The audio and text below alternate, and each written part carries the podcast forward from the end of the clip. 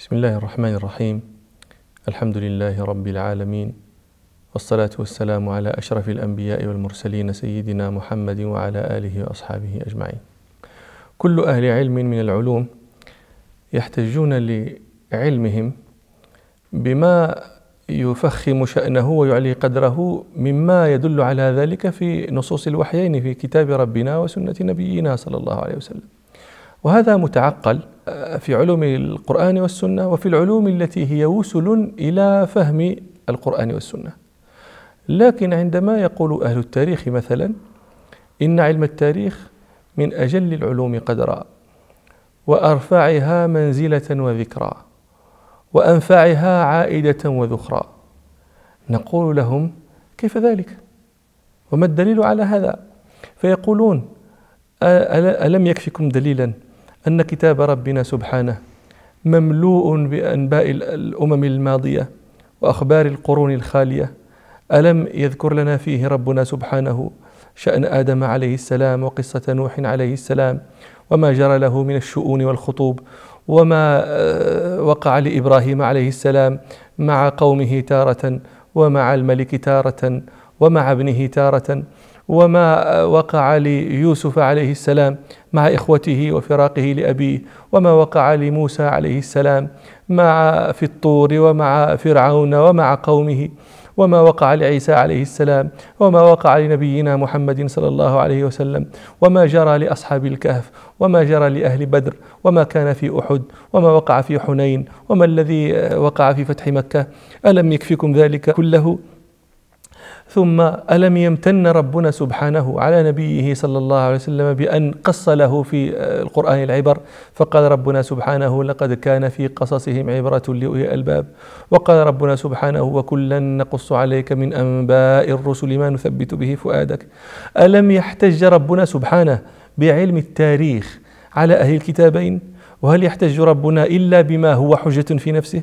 ألم يقل ربنا سبحانه يا أهل الكتاب لم تحاجون في إبراهيم وما أنزلت التوراة والإنجيل إلا من بعده؟ أفلا تعقلون؟ أفليس يكفيكم كل ذلك في بيان فخامة شأن هذا العلم وجلالة قدره؟ ثم غير هذا وذاك قال الشافعي رحمه الله دأبت في قراءة التاريخ كذا وكذا سنة لم أفعل ذلك إلا لأستعين به على الفقه. وهذه من غريب وهذا من غريب ما يقال. وفسره الإمام أبو العباس السلوي الناصري صاحب كتاب الاستقصاء. عندما يقول في بيان كلمة الشافعي هذه يقول إن علم التاريخ يطلعك على أحوال الأمم والأقيال وعلى أعراف الناس وعوائدهم وغير ذلك من شؤونهم والفقه مبني في كثير من أحكامه على العرف.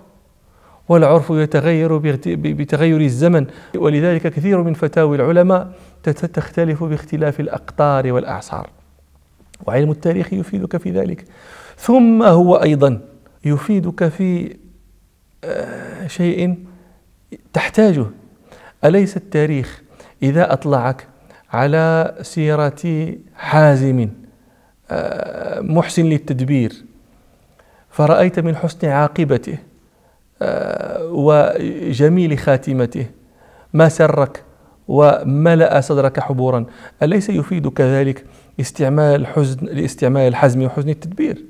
ثم إذا أطلعك التاريخ على سيرة مفرط من الماضين فرأيت ما جلت عنه عاقبته من السوء والقبح أليس يفيدك ذلك استعمال التيقظ والاعتبار؟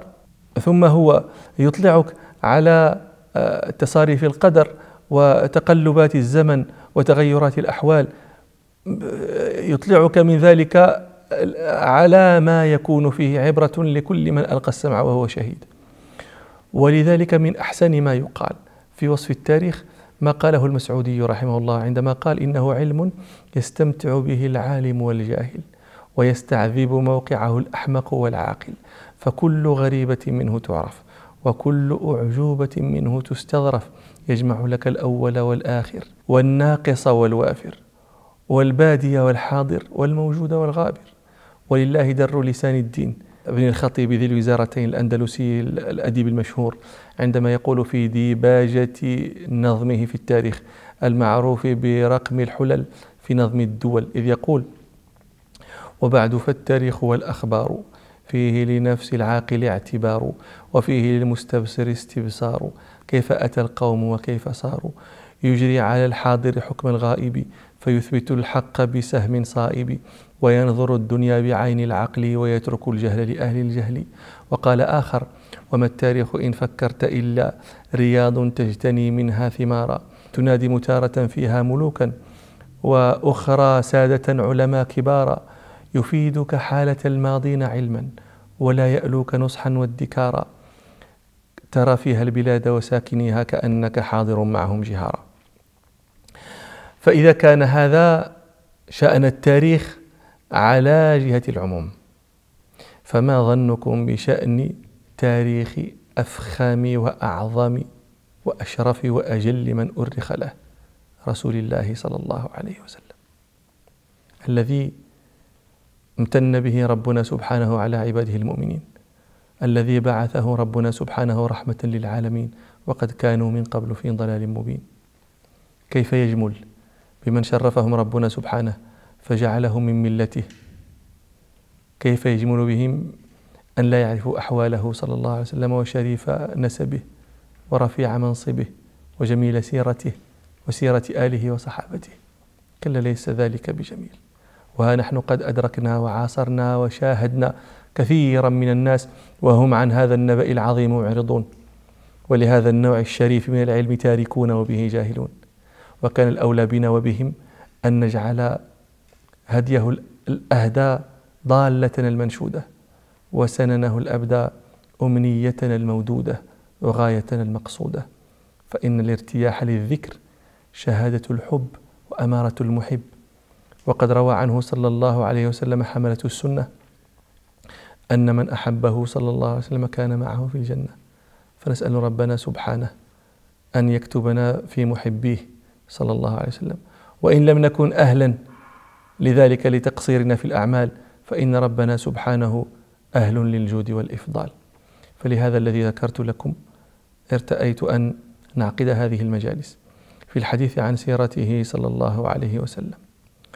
ونسبه ومولده وبعثته وخصائصه ودلائل نبوته صلى الله عليه وسلم ومغازيه وأيامه وهجرته وغير ذلك من أحواله من لدن مولده صلى الله عليه وسلم إلى أن استأثر ربه به وقبض روحه الطيبة إليه صلى الله عليه وسلم.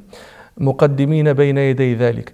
ما يجمل تقديمه مما يحسن تعلمه وتعليمه من ذكر أوليته صلى الله عليه وسلم بلدا ومحتدا.